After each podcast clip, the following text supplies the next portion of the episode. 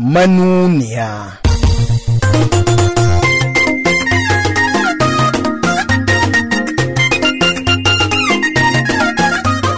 babu wanda ya isa babu wanda ya isa babu wanda ya isa dan siyasa a yau ya gina gidan da yake da shi in ba wata sana'a yake ba da kuɗin aikin gwamnati babu Tsohon ɗan masokilan tarayyar Najeriya Malam Abubakar Cika da muke nan ke tabbatar da tabkata baibayin tattara dukiyar masu mukaman da ya ce akwai shababa. Game da shimfiɗa shimfiɗar zaɓuɓɓukan cike gurbi a faɗin Najeriya kuwa wasu masu arziki ne ke cewa abubuwan da suka fara zaɓuɓɓukan baya ne idan ba a yi sa'a ba za a daɓa. ina mutanen da aka kama sun kai su kotu ne mutum nawa aka hukunta? Kuma suna ina? Mu INEC ba mu da daman mu yi making arrest. Police ke da wannan daman. Shi kuwa tsohon gwamnan jihar Kabbin da yanzu da masarjan tare Najeriya ne sanata Adamu Aleru cewa yake rufe iyakan Najeriya da Nijar fata karya 'yan kasuwan ƙasashen guda biyu a kan gaba. akwai 'yan kasuwanmu da yawa sun tsiyace saboda wannan rufe boda din kuma dalilin da ya sa ma aka rufe boda ɗin nan mu har yanzu mun kasa fahimta shi. Waɗannan fa so mun ta muka tattatso cikin tarin muryoyin da za ku za cikin wannan shiri na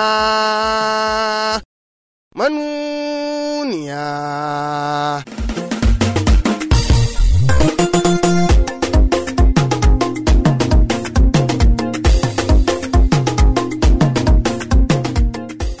Sauraro Assalamu alaikum barkamu da wannan lokaci kuma sanin mu da sa'ar sake saduwa a cikin wani sabon shirin manuniyan da ke ta faman ƙara ƙiba. Shiri na ɗari da hamsin da biyar cikin jerin shashiren manuniyan da kan bibi al'amuran gwamnati da siyasa ya ɗan tattaɓa. Maganar siyasar kuma amma game da hukuncin kotun ɗaukaka ƙara a kan 'yan majalisar jihar Plateau ce ta sa barista Elzubar Abubakar ya ci gaba da gaya wa duniya cewa a gaskiya akwai kwaɓa. kotun ɗaukaka ƙara ta Najeriya ta daɗe da wannan matsalan. Shi kan shi da zaɓen gwamna yana tsayawa ne a kotun ɗaukaka ƙara ta Najeriya. Amma irin mabambantan hukunce-hukuncen da suke bayarwa yasa aka ce lallai su ma gwamnoni sai an kai shari'unsu kamar na shugaban ƙasa kotun koli. To kaga yanzu wannan ma yanzu ya ƙara nuna dalilin cewar lallai waɗannan na 'yan majalisun ma akwai buƙatan a kai shi kotun koli duk da cewa kotun kolin ayyuka sun mata yawa. Amma in nan ne za a samu adalci to abin da ya fi kyau a kai shi can wurin. Abu na biyu waɗannan alƙalan kar a ce an yi kakkausar harshe a kansu kawai inda hali a ladabtar da su waɗanda aka sa sunansu ɗin nan akan za a kai su kotun koli a sauke sunayensu. Gaskiyar a ganina ita ce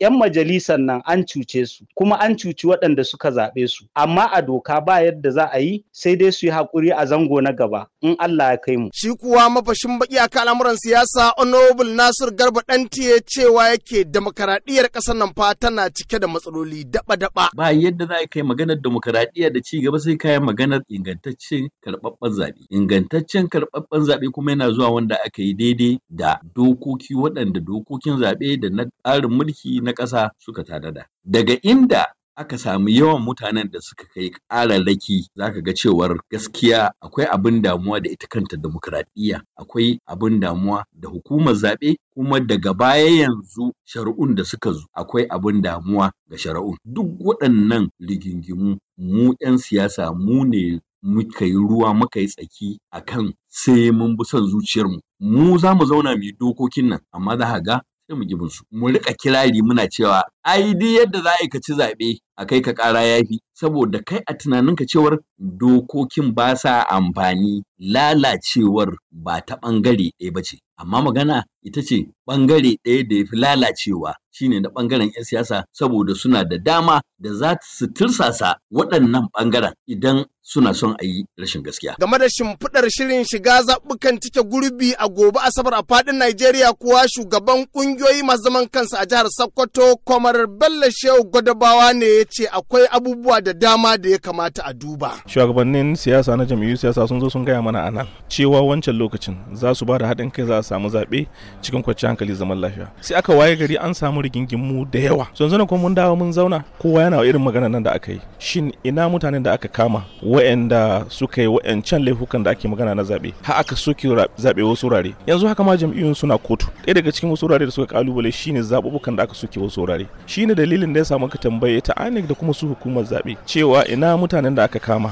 sun kai su kotu ne mutum nawa aka hukunta kuma suna ina. Idan ana ƙyale mutane wani lokaci suna ikirari kame a ta yi zaɓe cewa za su tayar da hankali kuma a ƙyale su kuma ranar zaɓe su zo su tayar da hankali sannan kuma a ce ba wani daga cikin su wanda aka kama kaga matsala ce mai zaman kanta wanda ya kamata a ce a kalle ta saboda zaɓukan da za su to gaba. sai dai mai rikon ƙwaryar kujerar kwamishiniyar zaɓe a jihar ta sokoto hajiya hauwa aliyu kangiwa ta ce kama masu laifuffukan zaɓe fa baya cikin hurumin da aka ce hukumar zaɓen ta taɓa. mu inec ba mu da daman mu yi making arrest police ke da wannan daman idan sun yi investigating za su sa a file su kawo mana file din wane da wane da wance sun yi kwamitin wa'annan laifuffukan.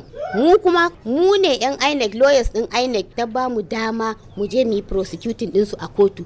To idan har lalle ba su kawo mana mutanen nan ba da case files din yaya za mu yi prosecuting? To amma hajiya wani irin mataki kuke ɗauka? Misali kamar a ce an kashe bibas ko an fasa akwatin zaɓe amma yan sanda ba su kawo muku wanda suka kama ba. Wani irin mataki kuke ɗauka akan hakan? To ba abin da za mu yi in ba su kawo ba sai in sun kawo mana. Ban isa yanzu in zo in kama ka ba in ce zan yi investigating in kai ka kotu. Sai dai kuma game da yaƙi da canci rashawa a Najeriya shi tsohon ɗan majalisar wakilan tarayyar Najeriya Malam Abubakar Cika Adamu ne ya ce ai duk wani mai mukami a Najeriya an taɓa bashi kuma ya karɓa. wannan abun da ta faru ta beta edo za mu je ne kawai ta tarar da mu je mu ya abin da ya faru. Yan najeriya suka yi cama al'amarin. Idan tinubu na so ya gyara cin hanci da, rashawa ya faɗi abin da ya mallaka tukun ya publishing ɗinta. Me sana'an shi? Ya nuna maka factory da tinubu yake da shi. Ba mu ji ko factory ɗin yin ruwa bayan da atiku ke da ta ruwa. Saboda haka a gwamnati ya same ta yau ya ce duk ya mayar. Mu ma da muka yi aikin gwamnati da shubuhar da muka ɗauka da wadda ma killa haramun ne ba mu san da ita don wasu cikin mu sun yi ƙoƙarin suke yi amma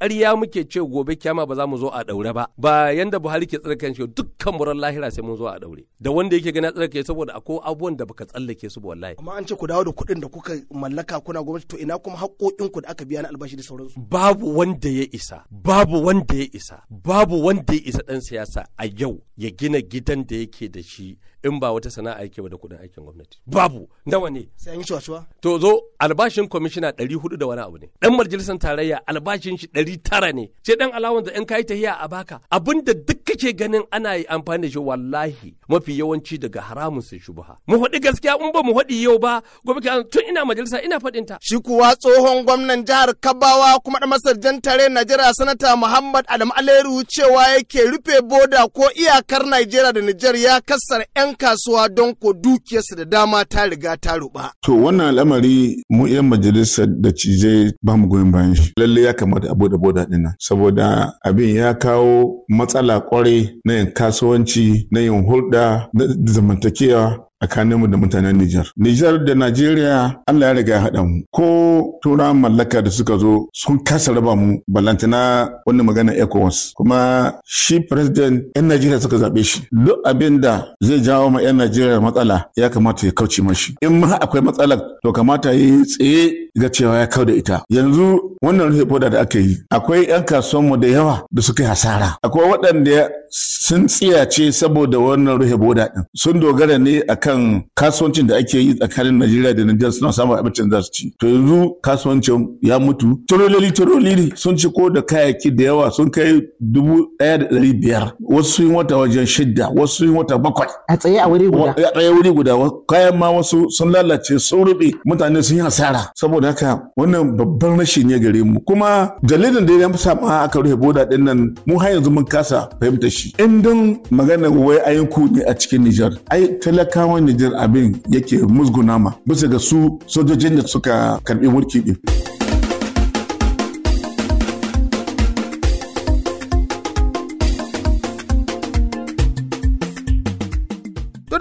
Iyaka batutuwan da za mu iya baje muku kenan a cikin wannan shiri na manuniya sai dai kafin mu sallama sai mun sanar da dukkanin masu dafifin dafe mu da iko cewa kullun aka kwana aka tashi fa cikin kwanakin su sukan sharba. Domin kuwa daga juma'a nan ma saura kwanaki 1211 ne su yi sallamar sakin kujerun da suke kai ko da ko sun ce bari su lallaba. kuma madadin dukkanin waɗanda kan taimaka wajen tabbatar da wannan shirya zo muku musamman dai abokan aiki irin su Muhammad Nasir daga jihar Sokoto da Mahmud Ibrahim Kwarin jihar Kanawa da Maman Manuniya Madina Daudan da kan yi daudalar dawo da muryoyin da daga ciki ne mukan zaɓa. Ni Isa Lawal Ikara da kan shirya gabatar ne kuma nake cewa sai idan Allah ya sake sada mu a cikin wani sabon shirin na